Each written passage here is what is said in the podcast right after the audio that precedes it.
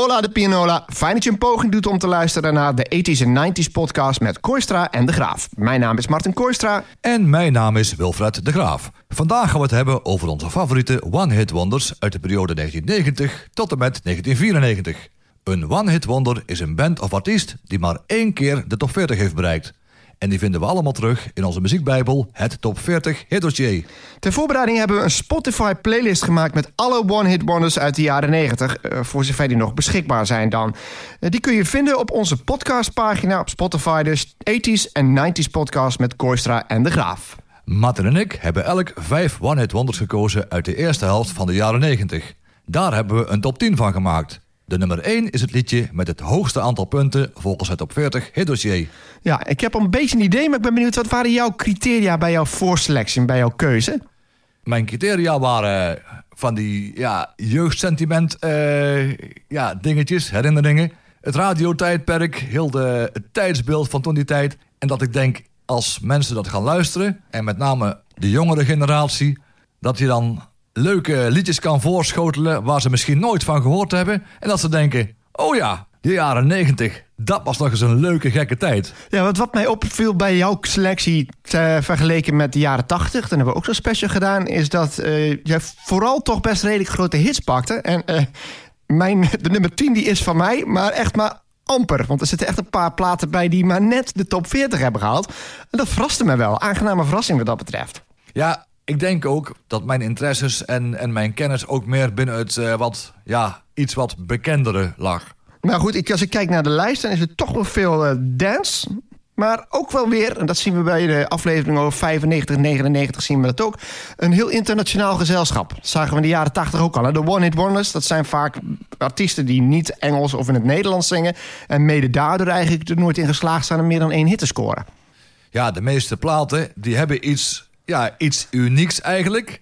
Wat ze daarna nooit meer konden overtreffen. Ja, wat betreft die Spotify-playlist trouwens. Ik heb de vorige keer, uh, dat heb ik me een beetje in mijn voet geschoten bij de jaren 80. Want toen ben ik begonnen met het idee van... nou, als ik maar vijf liedjes kan vinden uh, die, die leuk zijn, One Hit Wonders... dan is het eigenlijk al goed. En nu zijn we die hele lijst gaan maken. En heb ik ook alles uit de jaren 80 geluisterd. En met terugwerkende kracht denk ik... oh, daar zitten nog zoveel leuke liedjes tussen...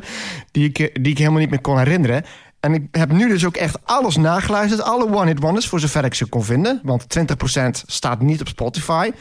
Kan ik wel meestal elders vinden. En ik heb dus uh, zo'n 20 liedjes heb ik in mijn voorselectie staan. En daar heb ik er dan vijf uit moeten kiezen. Dus het is echt zoveel leuke muziek tussen. En ik vond het heel moeilijk om het terug te brengen tot vijf. Had jij dat ook? Ja, dat was heel, uh, heel veel. Dus uh, ja, ik wilde eigenlijk nog opperen van... One Hit Wonders is zo leuk. We kunnen wellicht nog wel een keer uh, uit die voorselectie... wat het net niet gehaald uh, heeft... nog wel een keer uh, een rerun doen... en nog een paar, een paar gaan opnemen. Ja, of we kunnen misschien aan het einde... als we nog wat tijd over hebben... nog even in ieder geval die liedjes een keer noemen. Want ik heb ze in ieder geval op een aantal op papier staan... waarvan ik oh, denk, nou, ja. die wil ik in ieder geval even genoemd hebben. Ja.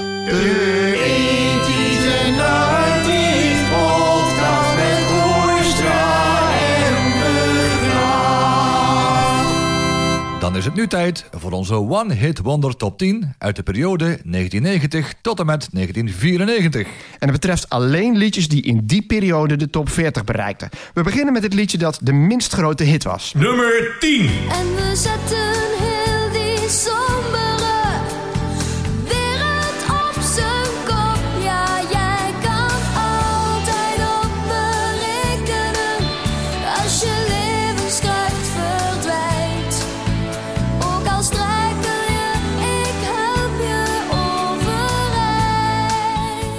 Isabelle A. Jij mag altijd op mij rekenen. Geschreven door Jan de Vuist, Peter Bouwens en Peter Gielis. Behaalde 9 punten, jawel. Stond drie weken genoteerd en bereikte plaats 37 in de top 40. En dit verklaart het waarschijnlijk ook meteen... waarom jij dacht dat een ander liedje een grotere hit was. Maar je, ja, ik, ik, stuurde deze door en jij dacht, jij vroeg aan mij van klopt dit wel? Ja, maar ik heb me waarschijnlijk, uh, ja, ik heb me waarschijnlijk laten, laten leiden... Dat, dat de andere hit, Heel Lekker Beest... dat die met name in, in Vlaanderen enorm populair was. Dat klopt, die heeft daar platina gehaald. Dus dat ja. is het zo'n beetje. Ja, goed, dat dit liedje dan... Uh, ik, uh, ik heb hem zo lief, dat is een ander liedje. Jij mag altijd op me rekenen. En die is er ook niet verder gekomen dan nummer 37. Dus dat verschil daartussen is waarschijnlijk marginaal. Maar ik was wel verrast dat Heel Lekker Beest in Nederland... niet eens de top 40 had gehaald. Maar waar, ja. waarom, waar ken jij het dan van? Ik bedoel, jij, jij woont niet in België, maar toch, ik bedoel dan eh, heel lekker beest, hè? Die zit er bij jou dan toch in eigenlijk als haar grote hit. Ja, of het nou ergens van televisie of iets, eh, of iets was. Of dat ik ben beïnvloed nog eh, dat, eh, bij- de radio toen de tijd. Ja, het is ergens vandaan gekomen, want ik heb ook het cd-singeltje van Heel Lekker Beest. Ja, daarom denk ik, ja, maar dit is dus geen jeugdsentiment in dat opzicht. Nee, toen was ik nog wel te jong, denk ik. eh. Ik meen Ja. dat het 1990 is, kan ik even opzoeken. Ja, het was volgens mij 1919, maar met name... Ik meen zelfs dat er een, eh, een keer een item op televisie was geweest... dat er ook weer in de tijd dat eh, de Newbeat en, en zo en de housepot opkwam...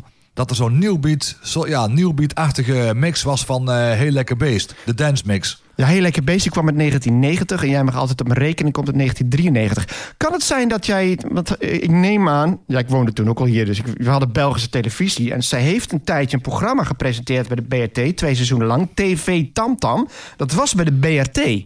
En dat bestond uit, eh nou, dan besprak ze allerlei maatschappelijke dingen. Het is later naar schooltv gegaan, maar dan zong zij ook liedjes over een bepaald onderwerp. En misschien dat heel lekker beest van de tv. Zegt dat jou iets, TV Tamtam? Eh, nee, eigenlijk niet. Ook niet, nee. Nee. Nou, het is wel een ander prangend onderwerp. Want ik heb even gekeken naar haar biografie. En dan, dan, dat is natuurlijk een Vlaamse site. En die zegt, nou ja, ze heeft best grote hits gehad. Te jong. Ik weet wat ik wil. Blank en zwart. 17. Liefste. Ik heb hem zo lief. Hele goede plaat trouwens, die laatste twee. En Jij mag alles op me rekenen. Was de zomerhit van 1993 in Vlaanderen. En in Nederland haalt hij amper de top 40. En toen dacht ik bij mezelf... We horen altijd dat Nederlandse artiesten, Nederlandstalige artiesten... eh, dat er best veel zijn die het goed doen in Vlaanderen. Maar andersom valt het eigenlijk best tegen. Ja, Ik denk, ja, Raymond van het Groenewoud Ja. een beetje K3 en Clouseau. Ja, zou het misschien kunnen omdat, eh, omdat het Vlaams een soort van ja, aftakking is van het Nederlands. En dat Nederlands als hoofdtaal wat internationaler is. Ja, nou ja, internationaal. Dat, dat men zelfs in Nederland in ieder geval iets heeft van dat Vlaamse, dat moeten we niet of zo. Maar het klopt wel toch? Heb je dit die indruk dat Vlaamse artiesten in Nederland het minder goed doen dan Nederlandse artiesten in Vlaanderen? Ja, Maar waarom? Ja, want dit, dit ook. Geweldig liedje dit. ja. ja.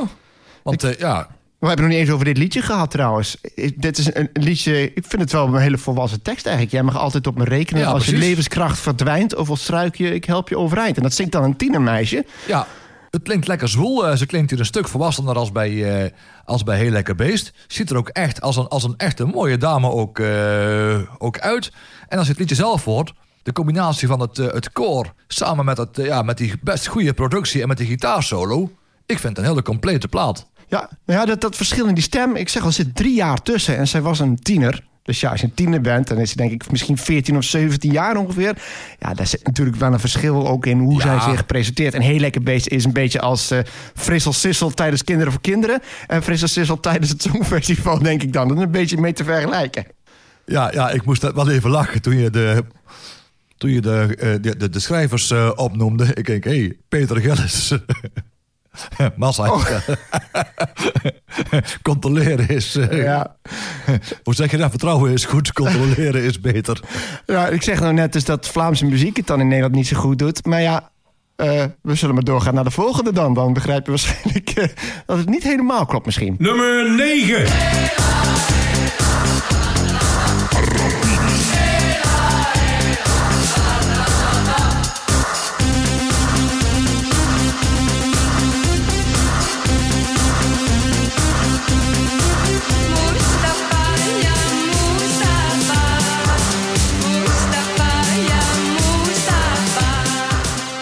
Bingo, featuring Sergej Gobin, Arabiet. Geschreven door Phil Sturman, Christophe Wijbouw, Demis Visvikis, Dimitris Katakosinos, Jorge Gatsiatanassan en Alekos Karandas.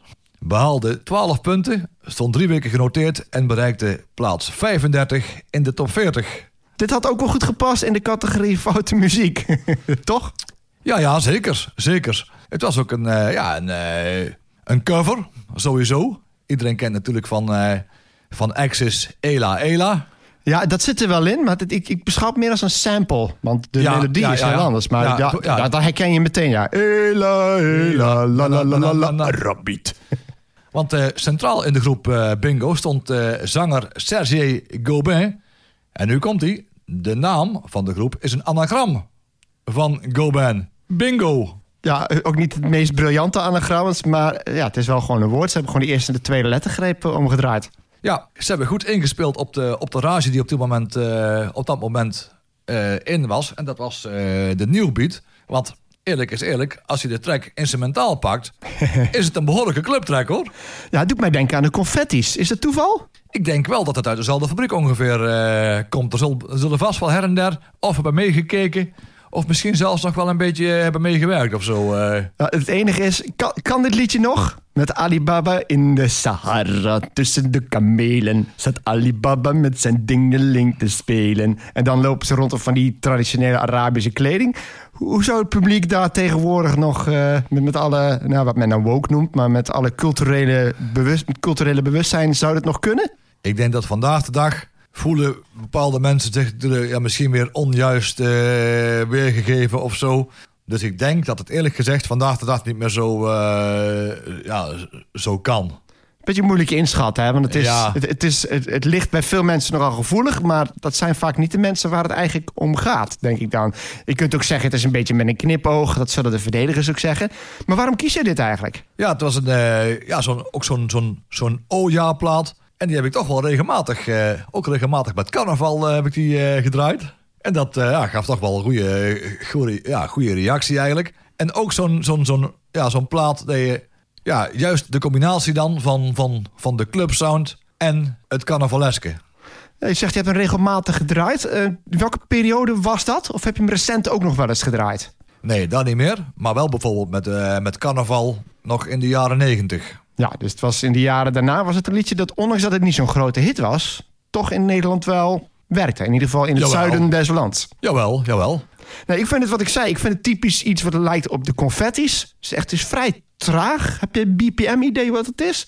Het zal niet veel van de 120, denk ik. eh, Dat zal niet veel eh, afzetten, want eh, ik weet nog wel dat Happy en Happy, die nieuwbeat-versie van Lig op mijn kussen stil te dromen, die is exact 120 bpm. En daar zitten denk ik al die, zeker uit 1990 die periode, daar zitten al die new beat Ja. liedjes een beetje tussen. Dus als je dit leuk vindt, Happy en Happy, vind ik een goede vergelijking. Want de confetti's is wat minder met een knipoog. Er zit ook wel een knipoog in. Een beetje voorganger van Captain Jack, Ja, toch? en er valt ook in het rijtje met eh, Marina van Rocco Granada, die eh nieuwbeat remix. Nummer 8. Let's come together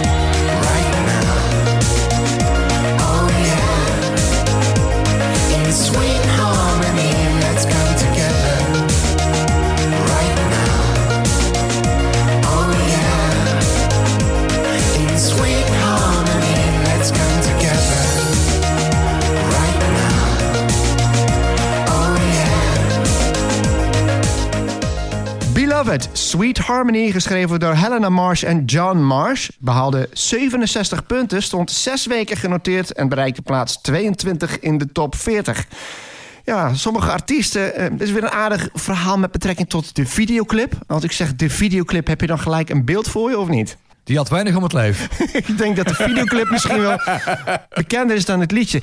Nou ja, ehm, ik heb, komen ze weer. Kom ik met mijn stokpaardje Duran Duran. Ik heb als volgens mij ook als eerder gezegd, er wordt als van gezegd, die hebben alleen maar hits gescoord omdat die toevallig op het juiste moment goede video's hadden. Eh, dat is maar deels waar, want uiteindelijk verkoopt een liedje niet eh, als het liedje niet goed is. En Beloved, ik ken er ook wat ouder werk van. Bijvoorbeeld Hello was ook een single. Eh, maar ja, dat was zo'n band die dan ja, op een of andere manier niet de exposure kreeg. En toen heeft toch ergens iemand bedacht, weet je wat, we denken een videoclip waarin de zanger naakt zit. En dan zitten daaromheen een hele hoop naakte vrouwen. Die natuurlijk met hun armen naar voor hun borsten zitten. En met hun benen netjes gekruist om de geslachtsdelen niet te laten tonen. Eh, we laten die man heel zwoel in de camera kijken. Om eh, zowel mannelijk als vrouwelijk publiek een beetje tevreden te stellen wat dat betreft. Eh, en we zorgen dat we daar een dijk van een plaat achter zetten. Want ik vind het een hele vette plaat. En Die videoclip die kan ik me ook wel herinneren. Maar die videoclip was het middel om, voor mij in ieder geval, om deze hele mooie plaat aan mij te introduceren. Want die combinatie van dat strijkers, langzame tempo, en de, de percussie die erachter zit en dan die hele zwoele, zware stem. Heeft echt een hele mooie stem dat hierbij past. En dan zit er ook nog een ecologische boodschap in.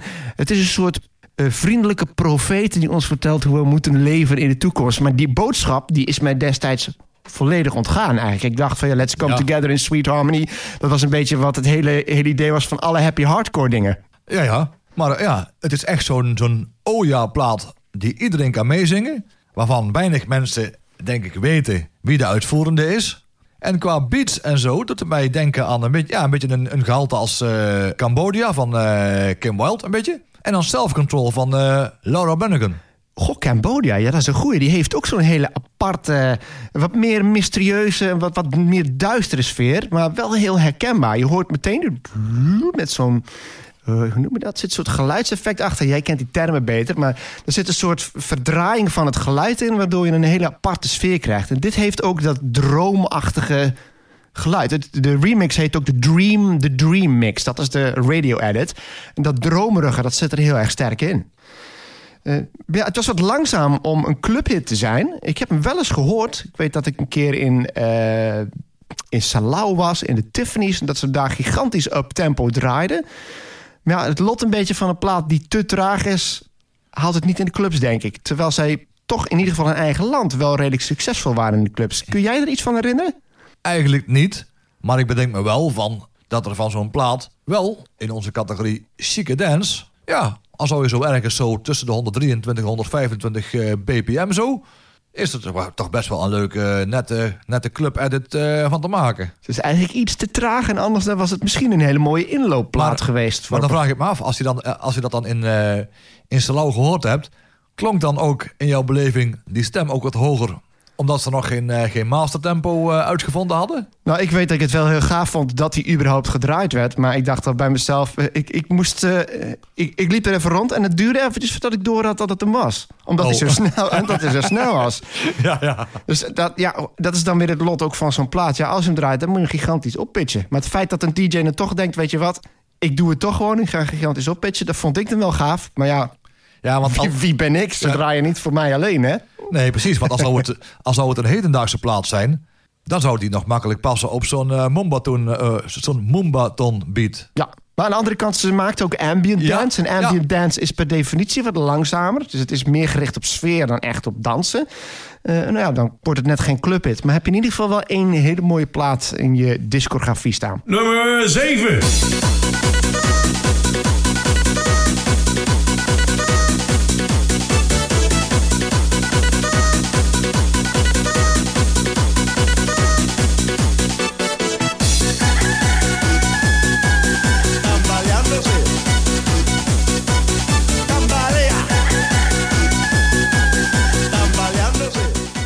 Ramirez El Gallinero, geschreven door David Rizzati, Elvio Morato en Riccardo Persi. Behaalde 71 punten, stond acht weken genoteerd en bereikte plaats 26 in de top 40. Ja, Ramirez heeft ook nog wel een paar andere hitjes gehad. Eh, ik, ik luisterde laatst nog een keer naar Bomba! Ik denk, oh verrek, die ken ik ook nog goed. En Therapia is eigenlijk allemaal een beetje hetzelfde. Echt die snoeiharde beats. Een beetje Ja. zo'n Italiaanse voorganger van Scooter. Daar hebben we het ook over gehad, over snoeiharde beats. En dan, eh, ik moet even zijn naam kijken hoor. Alex Quiero Buelvas. Als ik het goed uitspreek. ja, altijd lastiger met die Griekse namen, maar dit is ook een pittige. Dat is de frontman en dat is die gast die zo blaat. Maar ja, ik maak al een vergelijking met Scooter. Vind je die vergelijking terecht? Ja, ja echt. Ja, ja, ik vind het vallen onder de categorie eh, powerhouse. En dat ook als je in de auto zit, dat, dat, dat het echt zo heerlijk zo bom, bom, bom. Zo lekker, laat je de sub lekker, eh, lekker werken. Ik vind het ook heerlijk. En boem, boem, die beats komen er gewoon keihard in. En het is Ja. zo'n liedje waarbij Ja. ik headbangend in mijn auto kan zitten als ik die gedraaid hoor. Daar word ik lekker vrolijk van dit. Ja, ja en waarom ik eh, ja, een beetje een, eh een lach erbij heb. tijdens het voorlezen van die componisten en zo. Dat, ja, geschreven door. Ja, er is niet heel veel geschreven aan zo'n liedje. Het, is, gewoon een, een freestyle sessie waarschijnlijk geweest. En dan met wat, eh, wat, wat, wat, wat, wat krachttermen, wat kreten. Wat, wat, wat kreten en dan eh, een, eh, een handje wat eh gesampled eh, is. Ja, klopt. Maar ja, we hebben één keer gehad, dat was bij U96, hè? Want we gebruiken altijd natuurlijk sites om te kijken wie de componisten zijn. We zijn verplicht hier om die componisten te noemen, om de, om de muziekfragmenten te mogen gebruiken. Daarom doen we dat elke keer. Alleen bij U96, daar gebruikten ze het woord programmed by. Maar ja, als er staat written by, en we gebruiken dan een Engelse site, dan vertalen we dat letterlijk. Dan moeten we zeggen, het is door hun geschreven. Ze zijn de auteurs. We kunnen ook zeggen, de auteurs zijn. ja, ja, ja, ja. Maar Ja. goed, komt op hetzelfde neer. Maar ik heb die plaat eh, wel regelmatig gedraaid bij eh, Club 106. We hebben wel een, eh, Een lekker eh, uptempo houseplaat. Deze ja? Ja, Oké. maar daarentegen heb ik hem niet gedraaid in de Nephews. Terwijl het wel een ultieme 90s plaat was. Maar bij de Nephews kwam het tempo eigenlijk nooit ruim boven de 135 bpm uit. Nee, je noemde het al. Dat, is ook, dat was meer, lijkt mij dat. Ik ben er nooit geweest, maar het leek me meer een plaats... ook wat ik gehoord van de verhalen die jij erover verteld hebt... dat dat juist meer van de chique dance is. En dan zit je toch meer Ja. tussen de 120 en de 130 misschien max. Ja, dat was meer zo'n zo'n club van, eh, van kijken en bekeken worden. En dan ja, in, een, in, een, in een wat ziekere sfeer dan een, eh, ja, een wat lomper uh, Stratum Zijn café. Ja, ik zullen de vergelijking leggen met Scooter ook weer. Die zou je er ook niet eh, gedraaid hebben. Maar ken jij Orgasmico? Ook weer zo'n liedje? Nee, nee, nee. En eh Heer Johnny, Hocus Pocus. ja, ja. Die, die, dat is He- Here's Johnny voor de mensen die dat niet kennen. Here's Johnny is een dubbele sample, zou je kunnen zeggen. Eh, het komt uit The Shining. Het moment waarop Jack Nicholson dan met een bijl... eh, heeft hij dan, eh, met een bijl heeft hij dan een gat in de deur geslagen. En dan kijkt hij naar binnen en dan roept hij... Here's Johnny. Maar dat is dan weer een verwijzing naar de Johnny Carson Show. Een beroemde, de beroemdste talkshow-host uit de Amerikaanse geschiedenis. De voorganger van David Letterman. En die werd altijd geïntroduceerd door een MC die zei... Here's Johnny. Ja, kijk, en zo kom je dus weer achter de, ja, achter de herkomst van, eh, van bepaalde samples. Want ik was gisteren was ik een beetje aan het, eh, aan het bladeren op, eh, op Facebook. Kom ik toevallig eens tegen een, een berichtje over het Home Computer Museum in Helmond. En die had het over, een, over de Commodore Amiga, dat die zoveel jaar bestond. Maar de Commodore Amiga, dat was eigenlijk de eerste computer waarmee de eerste house muziek gemaakt werd. En toen die tijd, met die house, de, de deuntjes werden, waren nog relatief heel simpel. En er werden nog her en der overal samples vandaan gehaald. En die gingen ze in die house deun gingen ze gebruiken. Ja, we hebben nog een keer gehad over een liedje waar we het expliciet hebben gehad. Over iemand die, die daar samples uit gebruikte om een liedje in elkaar te zetten. Maar goed, de Commodore 64 erbij halen, ja. Ja, de Amiga, ho, ho. Oh ja, Commodore 64, de Amiga, ja. Want die was wat, eh, was wat, eh, wat krachtig, had, een betere, had een betere geluidskaart. En er waren ook programma's voor. Het was iets met puntje, puntje, tracker of zo. Ja, als ik, als ik mijn broer bel, zegt hij gelijk hoe dat ding heet. Maar, eh, we, want we hebben het zelfs nog eh, werkend gezien in het museum. Is trouwens een aanrader. Maar ja, ik, ik hoor het je zeggen. Ik Ja. denk, nou, Home Computer Museum, dat is misschien ook eens een keer iets voor mij. Voor mijn broer, die is zeven jaar jonger, maar die is ook ja, met mij opgegroeid met Ja. de PC's midden jaren Ja, 80. want, ja, want alles wat aanstaat, je mag overal aankomen. Oeh, dat klinkt leuk. Dus dan gaan we van Ramirez naar Helmond. het Home Computer Museum in Helmond. Kleine shout richting Helmond. Nummer 6.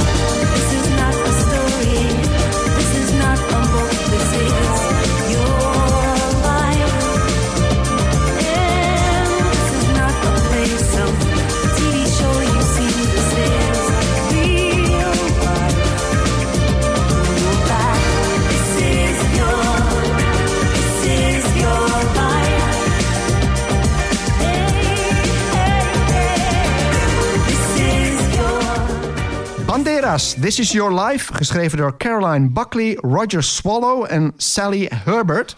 Behaalde 74 punten, stond vijf weken genoteerd en bereikte plaats 19 in de top 40. Eh, ja, dit, dit liedje hoorde ik en ik vond het zo gaaf, zo bijzonder. Een beetje vergelijk, heel erg vergelijkbaar eigenlijk met The Beloved, ook qua tempo. En eh, ja, verbaasde me eigenlijk op basis van de kwaliteit van het liedje... dat het niet verder kwam dan plaats 19. Ik dacht echt van, dit is geboren om een hit te worden. En ja, fantastische plaat. Ja, wat is jouw eerste indruk? Ja, Ken jij het? Nee, want waarschijnlijk omdat het geen, omdat het geen hit geworden was. Nou ja, plaats 19, geen, geen- niet groot genoeg om in ieder geval te blijven nee, hangen. Nee, precies. Want ja, als je dan gaat luisteren, denk ik, nou, het is toch een, eh, een popsong met een, eh, een catchy beat à la Mansonics. En ook leuk om terug te luisteren. Dat vond ik ook. Ik vind het melodieus. Ik vind het ook prachtig geproduceerd. Overigens, die beat die hoort, hè, eh, die is eh gesampled van Grace Jones, Crack Attack. Wist ik ook niet trouwens, maar ik heb dat teruggehoord en ik dacht, zo, ik hou wel van Grace Jones overigens hoor. Die heeft veel goede muziek, maar die Crack Attack, die, die groove is gewoon exact hetzelfde. Dat is echt een vet liedje. De moeite waard om naar te luisteren. Maar ja, ik heb me ook afgevraagd, hoe kan het dan dat de Banderas toch niet... Dat dit liedje dan in ieder geval niet een grotere hit is geworden. Dat heeft misschien wel te maken met hoe ze eruit zagen. Ik weet niet. Ik had de indruk dat zo begin jaren negentig vrouwen als popsterren nog gepresenteerd werden als nou glamour en zo. Vooral een beetje sexy. eh, het, het, het clichébeeld een beetje van hoe een vrouw eruit moest zien. En zij lijken meer op ja, Sinead O'Connor. Ik weet niet of je de videoclip gezien hebt of foto's van hun gezien hebt. Maar zij lij- allebei, eh, eentje is heel klein ook. De andere is redelijk normale lengte. Maar kaal geschoren hoofd. Eh, lange zwarte jas in de videoclip ook. Van die dikke, eh noem je dit? Van die Dr. Martens boots. Dus eigenlijk heel erg androgyn. Mannelijk, vrouwelijk, zullen we zeggen. Zou dat meegespeeld kunnen hebben? Ja, het zou misschien kunnen. Ja. Alleen ja, misschien had die plaat wel niet de factor dat veel mensen zich bewogen voelden om, om te gaan kopen. Nee, nou ja, het, eh, wat mij van wel opviel, denk ik... het zijn wel mensen met een achtergrond. Want eh, ik begreep dus, toen ik me hierin ging verdiepen... dat zij hadden samengewerkt met de Communards. Oh. En zij zijn solo gegaan, of zij zijn samen doorgegaan, moet ik zeggen... toen de Communards uit elkaar viel. En ik heb de videoclip van Never Can Say Goodbye gezien. Die hebben we trouwens eerder besproken. Eh, weet je misschien dat hij staat... Jimmy Somerville staat er op een podium. En er is nog een zangeres die daarnaast staat. ik, ik, ik zag het ook pas omdat ik naar haar op zoek, aan het zoeken was, hoor. Maar dat is... Niet de zangeres van Banderas, maar die andere. En ik geloof dat de violiste daarin, dat dat de Oh, zangeres oké. van Banderas is. En ik denk dan, ja, de Communards, dat was natuurlijk een mega... Dat was een, een hitmachine eind jaren tachtig. En dan denk ik, via dat netwerk zou je toch wel... Ja, misschien wat meer ingangen hebben gevonden in de muziekwereld. Het, het oude pluggersprincipe, zullen we zeggen... om die plaat wat meer gedraaid te krijgen. Was het voor jou ook, wat hoop ik dan? Je had het net over dat je hoopte dat mensen plaat horen en denken van... hé, hey, Ja, het is eigenlijk een, best eh, gaaf. Had jij dat ook? Het was weer een welkome, aangename 90s plaat. Heeft ook lange tijd niet op, op Spotify gestaan. Zat er pas sinds kort op. Dus Bandera is ook echt zo'n groep die één Ja. hit, één album hebben gehad. En toen, houdoe. Maar het is ook zo, het is, nu, ja, het is nu 2023 en wij kunnen ons haast niet voorstellen dat er in die tijd ja, de enige manieren nog waren een beperkt aantal tv-zenders en een beperkt aantal radiozenders. En meer was het niet. Of je werd misschien beïnvloed door mensen uit je buurt die zeiden: Hé hey Martin, eh, moet je eens ik heb nou een plaatje gekocht. Voor, voor de rest was wat dat betreft de, de, de, de, de, de, de aanvoer toch wel beperkt. Ja, terwijl ook, we hebben het over de videoclip, heb ik net al even genoemd. Ik vind het wel een hele mooie videoclip ook. Iets dat wel vaak nagedaan is. Hè. Mensen die zitten dan in een station en dan zitten zij in real time. En om hen heen beweegt dan alles in versneldheid om een beetje de, het verstrijken van de tijd te geven. En het idee van hey, je leven, we haasten ons allemaal te veel en zo. Een boodschap over hoe ons leven in elkaar zit. En ik vind het ook muzikaal qua opbouw heel slim en intelligent in elkaar zetten. En het is gewoon een hele gelikte productie. Dus ja, in dat opzicht heeft het wel alle ingrediënten, dacht ik, om hit te worden. Misschien bij deze alsnog. Ja, wie weet. Nummer 5. Brace yourself as the beat hits. Dip, trip, fantasia.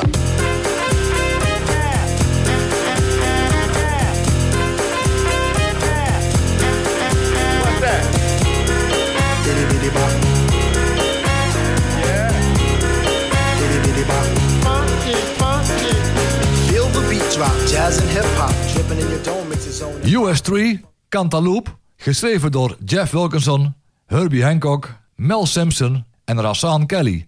Behaalde 84 punten, stond vijf weken genoteerd en bereikte plaats 17 in de top 40.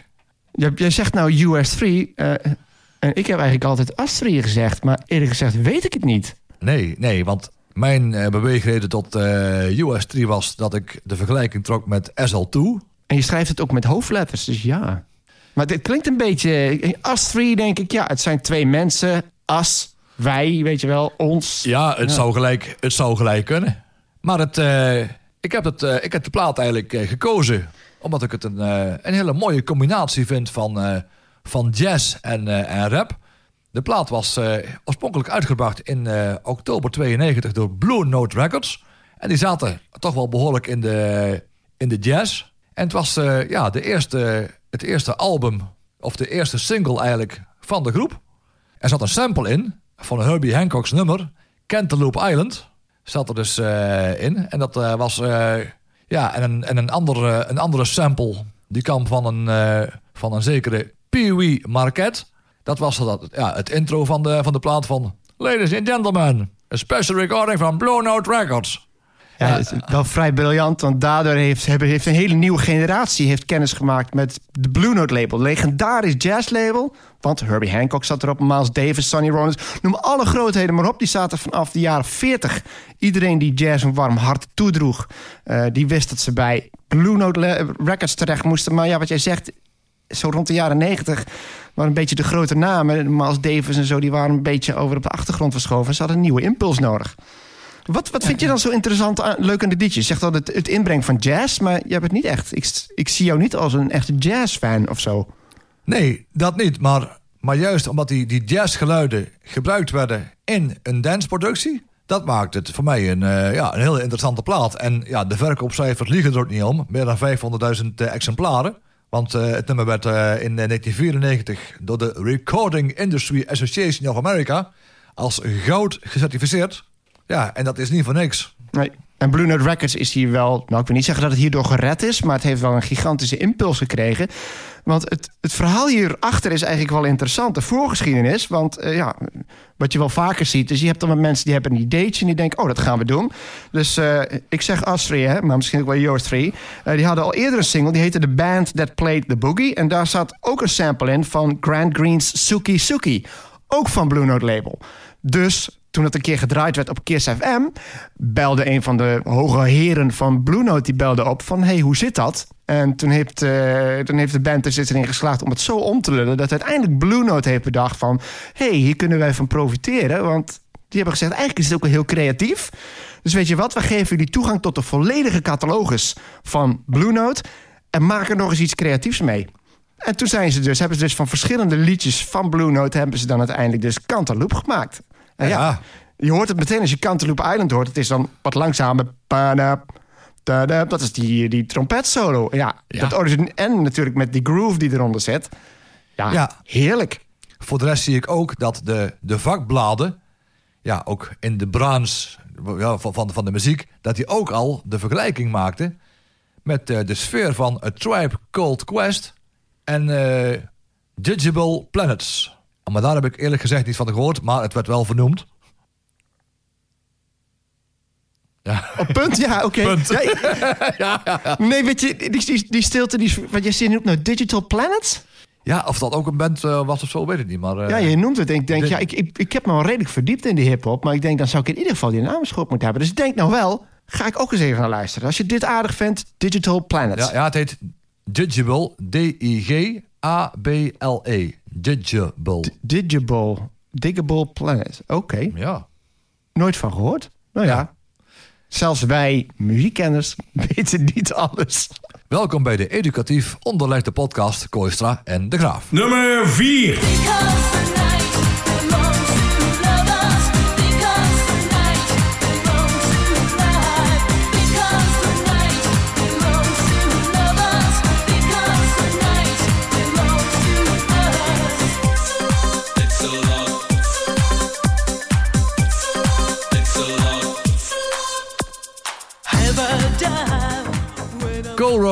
Featuring Talisa, Because the Night. Geschreven door Patti Smith en Bruce Springsteen. Behaalde 91 punten, stond 6 weken genoteerd en bereikte plaats 19 in de top 40. Deze had ik wel verwacht, eerlijk gezegd. Jazeker. Ja, Because the Night was een, eh, een single van eh Coro uit 1992. En een, eh, ja, een cover van het gelijknamig nummer van eh Patti Smith. En de Italiaanse zangeres Talisa, die eh, nam de, ja, de zang voor de rekening. En wat mij dan eh, opviel, dat, eh, dat er gelukkig een lijn zich ging, ging voortrekken. Dat was dat de covers werden steeds beter. Hè, waren nog vroeger nog van die zangeresjes met gebrekkig Engels. En nog de, de orkestbanden met, eh, met, met huistuin en keuken Casio, Casio keyboardjes uit de Intertoys. dat die daar gebruikt voor werden. Maar dit klinkt echt, echt best goed, vind ik eerlijk, eerlijkheidshalve. eh, moet ik dat zeggen. En als je op een duur nog eh, een stukje hoort eh, in zo'n bruggetje zo naar een, naar een refrein toe, hoor ik er zelfs nog een klein beetje wat nieuwbeat invloedjes eh, bij. Zo'n bruggetje met bam, um, bam, bam. Met die, met die synthesizer met zo'n basgeluidje. En er werden, van de plaat werden er meer dan 660 exemplaren verkocht. Sorry, En, eh, wacht even. Dat, oh. dat klopt niet. 660.000 denk ik? Sorry, ja. ik heb ze allemaal uitge- Ik heb ze allemaal aan de deur verkocht. Net als Frans Bouwel vroeger. 660.000 dus. Nou, ja, ja, van, ja, tijdens mijn vakantie in, eh, vakanties in Spanje heb ik het vaak gehoord in discotheken. Een echte, een echte dancefloor filler. En de sample die erin zit, zal je ook wel aanspreken, denk ik. Ja, ken ik, ken ik uiteraard. Ja, ja, Deep Mode. Master and Servant, ja. Jazeker. Maar dat is wel vrij herkenbaar. Dat was in Nederland overigens. Ik weet niet, het was niet zo'n grote hit. Kende jij Master and Servant al voor, toen je dit liedje hoorde? Herkende jij dat of niet? Nee, die ben ik gaan beluisteren daarna.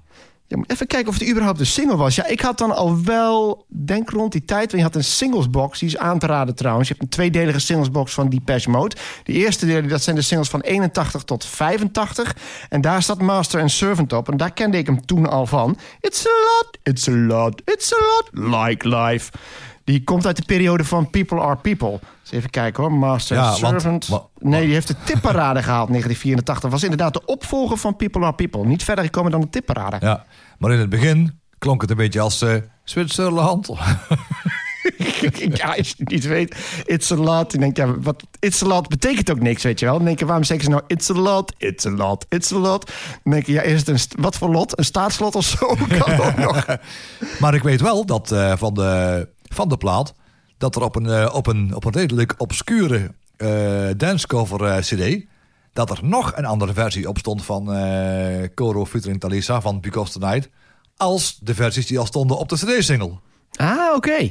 Nou, jij noemt net iets interessants. Dat is ook een, is een beetje cliché voor mij. hè? Ik zeg dat heel vaak. Je noemt iets interessants. Maar het is wel zo. Je zegt, dit is eigenlijk de, het moment waarop de covers veel beter worden. En we hebben er al een paar besproken. Eh, ik, ik vind zelf een hele mooie, vind ik Careless Whisper van Sarah Washington. Maar die kent bijna niemand, denk ik. Of ken je die wel? Volgens mij wel eens gehoord, ja. Dus daar zitten een paar goede tussen. Maar ja, Bonnie Tyler. eh, Tears and Joy. Ja, Denk ik ook in die volg. Je hebt midden jaren negentig heb je eigenlijk inderdaad een hoogst van hele goede dancecovers. ja eh, wat dacht je van eh, Undercover? Baker Street, ja, dat was inderdaad ook iets later. 94, denk ja, ik. Ja, en eh, W? ja, god, die heb je inderdaad besproken, ja. Ik kon het zo snel niet noemen, maar je noemt nog wel een paar echte knallers, ja. Ja, maar dat was ook de combinatie van dat het ja, acceptabel goed eh, gezongen was. Waarschijnlijk ook door de techniek dat de orkestbanden beter werden. En die producties, die klonken allemaal heel gelikt en ook, die klonken ook vet. Ik denk in dit geval, wat wel een ver- verschil is... is dat dit liedje, het origineel, bij het grote publiek niet zo bekend is. Patti Smith natuurlijk wel een grootheid. Echt een hele invloedrijke zangeres. Omdat zij eh, ja, een beetje een voorloper is van Kate Bush. Dus iemand die heel erg zelfstandig muziek maakte. En die ook heel erg feministische teksten had. Dus echt opkwam voor de vrouwen in de jaren 70. En ja, Bruce Springsteen natuurlijk geschreven. Dus dat zegt wel iets ook over de status van hun allebei. Dus, eh, maar dat is dan vooral in Amerika. Ik kende Patti Smith eigenlijk amper. Totdat ik daar op een gegeven moment via via, via dit liedje onder andere, daar op, op terecht ben gekomen. En al die andere liedjes die we net genoemd hebben, Baker Street, eh, Please Don't Go, ehm, eh, I Will Always Love You, dat zijn liedjes die iedereen toch al kent. In dit geval denk ik dat dat minder het geval was. Ja, ik denk dat ze daarom ook... eh, ja, dat ligt ook wel in de lijn, denk ik, van, van Coro. Want ik heb eh, van Coro eh, featuring Talisa nog een eh, cd-single. En die heet There's Something's Going On. ja, daar verwonder ik mij ook wel over... dat die plaat geen hit geworden is. Want die plaat vond ik ook wel minstens even goed. Maar het is hetzelfde verhaal, want ook dat is een cover Ja, van Frida. Maar, en Frida dus voor, voorheen ook ABBA. en, dan, en, en dan ook, ja, de, de, de, de melodielijn leent zich ook wel heel goed voor de stem van Talisa. Want ook met zo'nzelfde beat als van, eh van Because the Night. Van I know something's going on. Ja, ik heb niet geluisterd, maar is het niet te veel hetzelfde? Het, ja, misschien? Het, het zou misschien wel zijn dat je inderdaad als je de sporen, eh, de sporen gaat, eh, gaat, gaat openen in een, in, een muziekprogramma. Dat je als je er een paar weghaalt en vervangt, dat je wel een heel eind komt. Ja, oké. Maar ik geloof ook niet. Ik zal even kijken in het hittenshare of die überhaupt de tipparade heeft gehaald. Want van eh Something's Going On gebruikte ik bij Club 106 altijd een, eh, een versie. Die dan begon met een, een, een, ja, wat synthesizers. En dan de stem met een paar lettergrepen. Helemaal gesampled. Echt zo'n begin van een set. eh, waar, waar het uitstekend geschikt voor was. Ja, maar heb dan heb je hem dus op CD-single gehad of als Ja. of vinyl gehad. Maar dan is het alleen een clubhitje misschien geweest. Want hij heeft niet, het, niet eens de tipparade gehaald. Maar je hebt hem toch in bezit gehad. Dus dat is dan toch... Omdat je dacht van, hé, hey, Coro blind kopen? Daar ben ik eigenlijk in contact mee gekomen met Club 106. Dat Hans altijd eh, ja, cd's meebracht. Die, die eh, mochten wij in, eh, in Bruikleen hebben. Van, van, van, een plaat, van een platenwinkel. En dan als er dan nieuwe platen uitkwamen... dan kreeg je die ook altijd mee als er nieuwe danceplaten uitkwamen. Dus wij waren wel, wel al vrij gauw dat wij al in contact kwamen met nieuwe plaatjes. Misschien minder underground als bijvoorbeeld je gaat halen bij een, eh bij een Music of een Freaky Records, Midtown en dergelijke. Hè, het was gewoon een geld erop. Maar we kwamen al wel, ja, hetgeen wat, wat hun ook als promo's eh, kregen, dat, eh, ja, dat kregen wij ook vaak in, in handen. Oh, het zou kunnen zijn dat dit een promo was? Het zou misschien van de, omdat ja, dat ze wel de gok genomen hebben, oh we kopen die wel in, omdat die van dezelfde artiest komt die eerder al een hit had. Het zou kunnen. Oké, ik ga in ieder geval nog wel eens luisteren. Die moeite heb ik dan weer net niet genomen. Dus There's Something Going On. Oorspronkelijk van Frida van ABBA, maar dan is in een eh, nieuw jasje door Koro featuring Talisa, bekend van Because the Night. Yep. Nummer 3.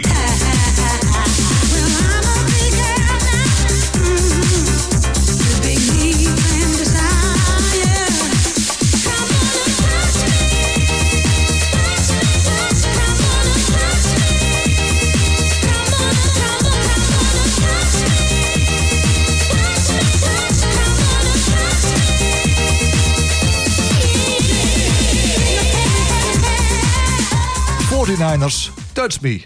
Geschreven door Gianfranco Bortolotti en Pieradise Rossini. Behaalde 113 punten, stond zes weken genoteerd en bereikte plaats 13 in de top 40. Een groot samplefeest 49ers. Het was hun eh, eerste hit, werd op, eh, op 4 december 1989 uitgebracht. Dus ja, pas in, eh, in de jaren 90 eh, ja, dat hij bekend geworden was. En hij bevat samples van Aretha Franklin, Rock-A-Lot en Alicia Warren's Touch Me. Het was een goede combi, want waarschijnlijk zou de plaat van Alicia Warren's zou ik nooit beluisterd hebben als die plaat van Touch Me er was. En eerlijk gezegd, de plaat van Alicia Warren's vind ik net wat power ontbreken. En in de plaat van, van de 49ers komt dat uitstekend tot z'n recht. Alicia Warrens, kende jij die naam überhaupt? Want dat zegt mij niks. Nee, kon ik ook niet. Maar die heeft zo van, eh, ja, het, eh, van Come on and touch me. Ja, oké. Maar uit welke periode komt het origineel dan? Is klinkt het als een jaren 80 liedje of Dat is het meer als een eh, disco-periode? Nou, dat zijn jaren 80 eh, nummers. Want, rock, want Rock-A-Lot zou ook ergens rond, rond 1986 of zo eh, geweest zijn. En ik heb een keer eh Rock-A-Lot, die heb ik eigenlijk nooit helemaal eh, geheel, in, in het geheel eigenlijk, eh, eh, gehoord. Maar die heb ik op de gehoord in een, in een stukje mix van, vinkt u even aan, De Bond van Doorstarters. Jawel. Waarbij het eh, een, eh, ook in een mash-up gebruikt werd van I like to rock a lot. In een plaat van eh, Level 42 van I would give everything to make you understand. Ehm, To be with you again. Ja. be with you. ik moest ik even doorgaan. Zing dank- door, zing door. To be Ja, ja. with you again. Ja. ja, dankjewel. In een mash-up wat hij daarin in gebruikt. En dan denk ik, ja, dat was die. En de beste vergelijking van, eh van 49ers vind ik eigenlijk Black, Black Box. Box, ja. ja, ja, ja. Ik dacht ook even van, is die zangeres, is dat nou dezelfde? En daarom heb ik ook wel een tijdje gehad dat ik dit hoorde van... oh, dit is Black Box. En het heeft ook een beetje dezelfde feel met die dikke beat eronder. Alleen ik vraag me één ding af. Misschien dat jij dat weet. Want er zijn twee versies van, van dit liedje. En eentje daarvan heet dan de sexual version. Ja. Maar wat is er nou specifiek sexual aan de sexual version? Ik geloof niet dat er nou heel erg eh, duidelijke seksuele verwijzing in zitten. Ik versta eigenlijk ook niks van, wat, eh, de- van die Aretha Franklin sample. Nou, in de sexual versie zitten volgens mij... eh, ah, ah, ah, oh, oh, ah, ah, ah. Een beetje van die eh pornogeluidjes. Oh, oké. nou, die zijn mij niet- moet je er, volgens mij moet je er heel erg naar zoeken om die te vinden, toch? Of niet? Is Nou, mij niet eh, opgevallen. Ik heb echt geluisterd van, naar het liedje met het idee van... oké, dit is de sexual version. Laat eens iets seksueels horen. En ik kon het er niet, niet uithalen. Ja, je, je denkt bij jij, ja, ik kijk, ik kijk alsof er films, laat ik een keer een, eh, een, seksueel, een seksueel nummertje gaan luisteren. Ja, denk bijvoorbeeld French Kiss van Lil Louis. Daar Ja, zit een ja. stukje en dan zit de vrouw zit er gewoon eh, de hele tijd een, een orgasme te doen of zo. En dat vertraagt dat hij zegt... "Oh." Ja, ik ga dat niet nadoen. Maar dat soort kreungeluiden zitten erin. En dat is de hele break. Is gewoon één vrouw die soort orgasme lijkt te krijgen. Dat is French Kiss. Dus iets in die zin... Dat is dan wel het extreme. Maar iets in die richting had ik wel verwacht. Maar ja, jij, jij bent dus ook een blackbox liefhebber. Dit past perfect in dat rijtje dus. Ja, dan vind ik wel Blackbox eh, net wat eh gelekter geproduceerd. Met name bijvoorbeeld eh, Strike It Up. Die klinkt nog steeds, eh, vandaag de dag, die, die klinkt nog steeds heel goed. Maar, Deze eh, is toch wat gedateerd? Ja, ik vind hem nog wat... ook als ik hem in een, in een mix gebruikte... dan vond ik dat hij... Ja, moest ik wel wat moeite doen. Omdat ja, de kwaliteit, de opname, vond ik wat minder. En daardoor ook, ja, dan moet je wat trucjes toepassen. Dat het weer een beetje gelijk klinkt eh, qua, qua sound. Ja, want daar hadden we het al over vooraf. Want we knippen natuurlijk die fra- geluidsfragmenten altijd vooraf. En eh, ik had dat deze keer gedaan. En bij de 49ers zei ik al van... nou Wilfred, misschien moet je toch even naluisteren... of het wel goed genoeg is. Maar je zegt ook dat de kwaliteit van het origineel dus... mm, niet optimaal is, laat ik het zo zeggen. Dus Ik- daar zou het best aan kunnen liggen. Ja, ik vind hem eh, vrij twijfelachtig. Ja, de beste vergelijking zou ik kunnen trekken met... als je vroeger cd's kocht... had je wel eens bepaalde labels... die klonken wat minder als de, de, de A-labels. hè. Arcade, de, de, de, de EMI. IMI, Eva. Ja, die hadden misschien de techniek en het geld eh, niet. Ze hadden wel leuke cd'tjes, daar niet van. Alleen, ja, de kwaliteit die eh, vond ik niet geweldig. Ik heb de vraag nog niet gesteld vandaag eigenlijk. Zou dit dan nog... eh draai je dit dan wel eens op een 90s dancefeest? Ondanks de geluidskwaliteit? Of denk je er toch van... klinkt net niet goed genoeg? Nee, bij een 90s doe ik het genre dra- draai ik, eh, draai ik Blackbox. Dus als hij wat beter geproduceerd was, misschien wel. Ja, Nummer 2. I came to get down, I came to get down. So get out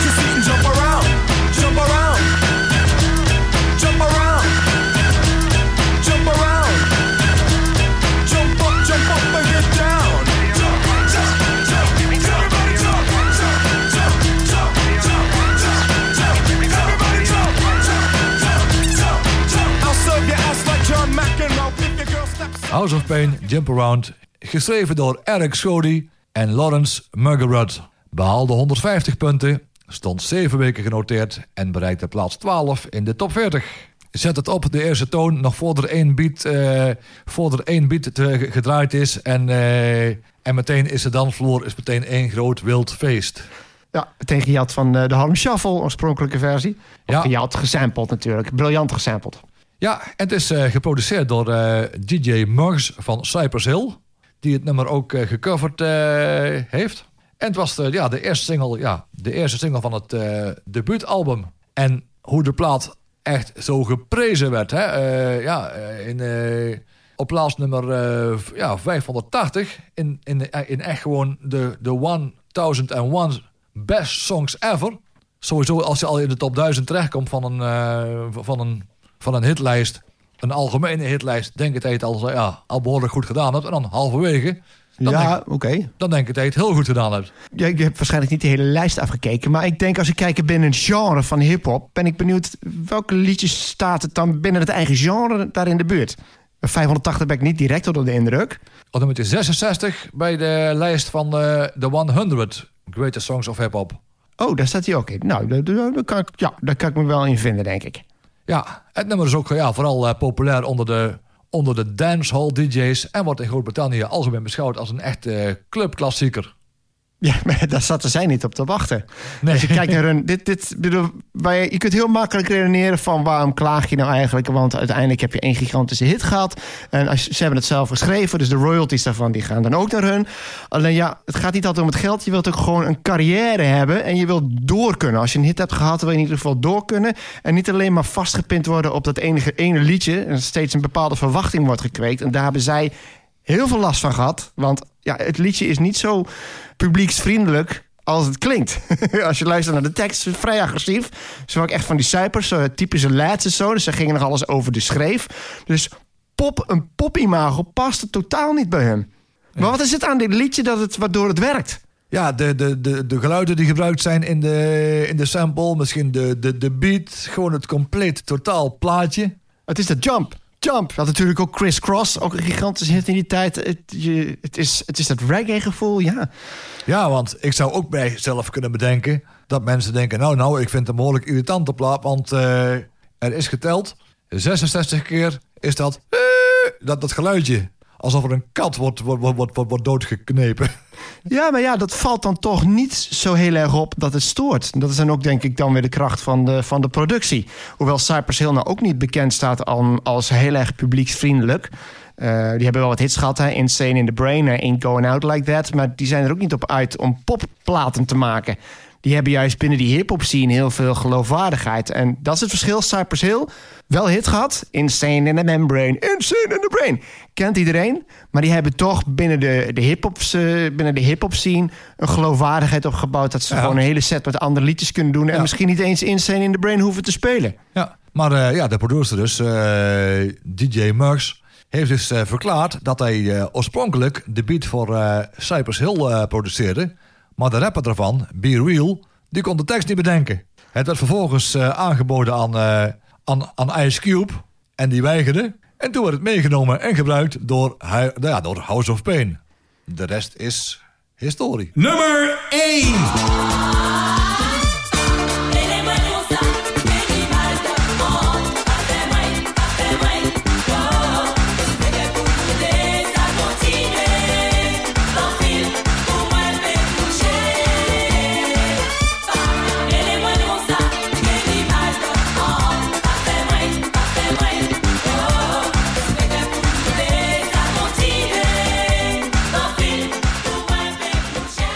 Zoekmachine Maldon, geschreven door Guy Houillet en Yves Honoré, behaalde 236 punten, stond 11 weken genoteerd en bereikte plaats 9 in de top 40. Ik vind het zo leuk dat deze gewoon op 1 staat. Echt zo'n liedje waarvan je denkt, huh? Dit op nummer 1? Lachen, man. En ja, heerlijke danceplaat, Caraïbisch, dan Frans gezongen en zo. Heel erg vrolijk. Fantastische radioplaat. Misschien iets te snel voor op een feestje. Hoewel het me wel doet denken aan de Soca Boys. Follow the Leader qua klank. Een hele zonnige plaat. Maar eh, hoor jij hem nog wel eens? Op de radio hoorde ik hem eh, wel eens op eh 8FM. Maar ik vind zo'n plaat, als ik op een, eh, op een feestje eh, wel eens aan het draaien ben... waar een, eh, ook een barbecue eh, aanwezig is, ja, lekker. Ja, En, het past, past goed in dat rijtje van lekkere uptempo vrolijke ja, liedjes... ja, waar je gewoon ook een beetje, op kunt ja, swingen. Ja, ja, een beetje schudden met die billen zo. Ook een beetje in het rijtje van, eh, van Charles D. Lewis. Van Dance, Soca Dance. Wacht, die, die naam moet ik even opschrijven. Wie zei je? Ik dacht dat het eh, Charles D. Lewis was. Charles D. Lewis, Ja. Dance. Ja, jij zingt hem nou. Nou ja, je zingt hem nou en ik denk, vrek ja. Oh ja, plaat. Die moet ik ook even luisteren.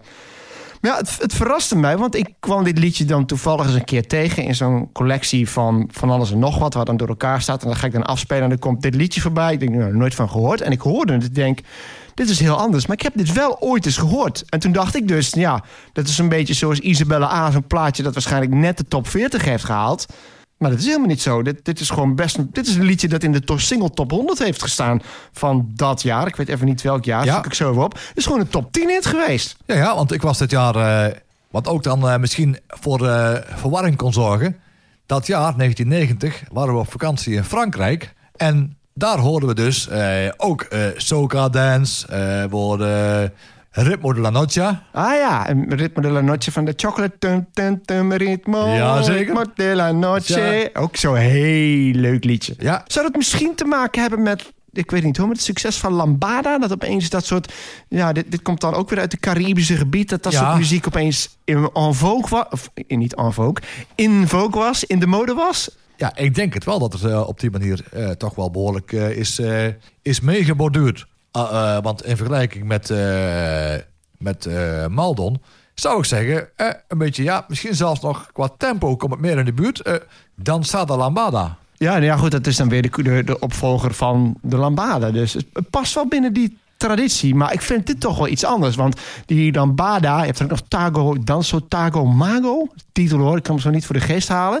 Maar dat was een beetje dat... eh, Een beetje zeg maar het, het, het eh, sluimerende zomeravondgevoel. En denk ik van bij een barbecue, s'avonds laat, heeft een meer romantische klank. De Lambada heeft ook een beetje meer die nostalgie van de droom, van het paradijs. En dit heeft meer iets van gewoon feest. Caribisch feest. Ah. Waar je met de arm omhoog staat en zo. En met je handen heen en weer staat te swingen. Een plaat hij op een Caribische bruiloft niet zou misstaan. Om het publiek aan de gang te krijgen. Ik word er in ieder geval heel vrolijk van. Ja, en als, eh, als DJ haal je natuurlijk wat, eh, wat kunstjes eh, uit. En het was natuurlijk gewoon, ja, een beetje, misschien, ja, misschien voor de hand liggend. Maar wat, ik, wat, wat dan een, een, ja, een, ja, een flauwe DJ-geintje was. Voel hem al aankomen. Begint met een eindigt met een C. En dan eh komt het op een uur, komt het op een uur met... eh, en, dan, dan, dan, en dan draai je de Communards. Don't leave me this way. Ah, la muziek. Oh, dat kan ook. Ik dacht, ah, freak out. En, en, en, en inderdaad... En, en. En inderdaad ook... Ah, yes, freak out. Ja. ik heb het hier, ik Ja, ja, heb het hier staan, ik heb het hier staan. Ja, dus had ik toch gelijk. Ik, voelde hem, ik, ik had hem niet bedacht, maar je noemde dat. Dan denk je, ah, welke liedjes beginnen nou met ah, baby. Je zou zelfs nog kunnen zeggen, zo, zo, lekker lang, lekker lang, lekker lang, lekker lang, lekker. Maar die is te obscuur, dat weet ik zeker. Voor degene die denken, die zich afvragen, wat was dat? Ja. Nederlandse hit, wauw, dat is logisch. Ja, ja. Lekker, wauw, lekker lang, lekker. Ja, en misschien een, eh, en misschien een leuke uh, triviantvraag eh, om het te verpakken. Ja, dat was eigenlijk... Zoekmachine was gewoon een, een, een nog eerdere zoekmachine dan, eh, dan Google.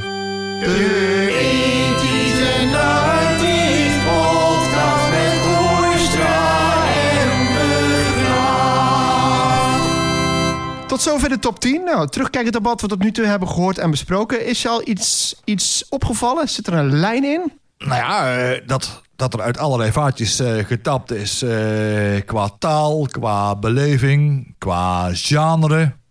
Ik heb trouwens nog wel een aantal liedjes waarvan ik denk... die wil ik wel even genoemd hebben, hoor. Ik weet niet of jij die nog had. Want ik heb er echt een aantal moeten laten afvallen. Wat dacht je van Boerboegas de Amor? Juan Luis Guerra? Oh ja. Een geweldige radioplaat. Ehm, Run to You, Rage. ja is, ook, is ook weer eh, toch een cover. De Brian Adams cover, ja. Een van de beste... Ja, dan noem het alweer. 1993. Fantastische dancecover. Maar, maar, maar Rage had ook dan een plaat die dan waarschijnlijk aan de top 40 niet gehaald heeft van Why don't you? Oh, dat zegt mij niks. Het is een one-hit wonder, dus dat klopt. Sleeping Satellite, Tasman Archer. Ook een fantastische plaat. And People Moving On Up. Ja. En laten we dan kijken, eh, wat dacht je van Gusto, Disco's Revenge, eh, The Good Man, Give It Up. Ja, en, eh, Give It Up inderdaad. Ja. en, eh, Alcatraz, Gimme Love. ja, daar zit je dus in het gebied dat ik dan denk... Ja, dan moet ik even zoeken wie daar nou precies achter zit. Maar die staat er inderdaad ook bij. Marlène Famer, Desenchanté. Ja, Ja, maar we kunnen er ook niet, ja, we kunnen... Three Little Pigs, Green Jelly. Let me tell you a story of three little pigs and a big bad wolf. Little pig, little pig, let me in. Oké. eh, en, en wat dacht je op, eh, op de bas volgens mij van eh Je had je dus eh, BC en, of, eh, BC en de Basic Boom. Baby, come back. Of is het, of is het een andere van eh, Baby Come Back eh, 1991? BC, eh, of BC en de Basic Boom. Baby Come Back. Is het toch van... Baby, come back. Nee, is ook van eh, Baby. Toem, toem, toem, toem, toem, toem. Jij haalt hem aan, dus dan zou je toch moeten weten hoe die gaat. Nou ja, Het zegt hij mij staat- helemaal niks. Nou ja, ja, hij staat in je lijstje, dus je, hebt hem, je moet hem als goed is beluisterd hebben. Eh, ja, oké, maar dan zegt het mij nog niks. Ja, oh, oké. ik denk dat het dan Baby, come back.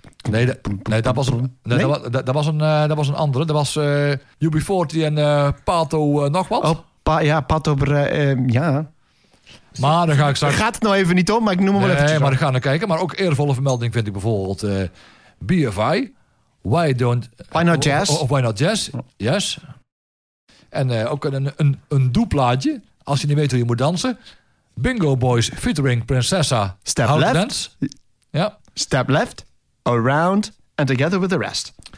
Baby Come Back was, ehm, ik zit een Pierre Bryce in mijn hoofd, maar dat is niet. Pato Banton featuring Ali en Robin Campbell of UB40. Dus het is officieel niet eens UB40, Oh, kijk, kijk, kijk. maar Robin Campbell, dus de broer Ja, van. En dan ben ik, eh, ja, als ik het lijstje doorspit, ik ben nog maar begonnen bij, bij de B. En dan, ja, Bit Machine. Ook geweldig. Ja, maar dan zitten we al bij de volgende aflevering. Oh, ja, klopt, ja. Dat is, ja, klopt. Net, net, net over het randje, 1995. eh, We hebben een excuus om die te noemen in de volgende aflevering. ja, ja, ja, ja, ja, ja. En daarmee zijn we aan het einde gekomen van deze aflevering van onze podcast. Leuk dat je wilde luisteren. Houdoe! En bedankt.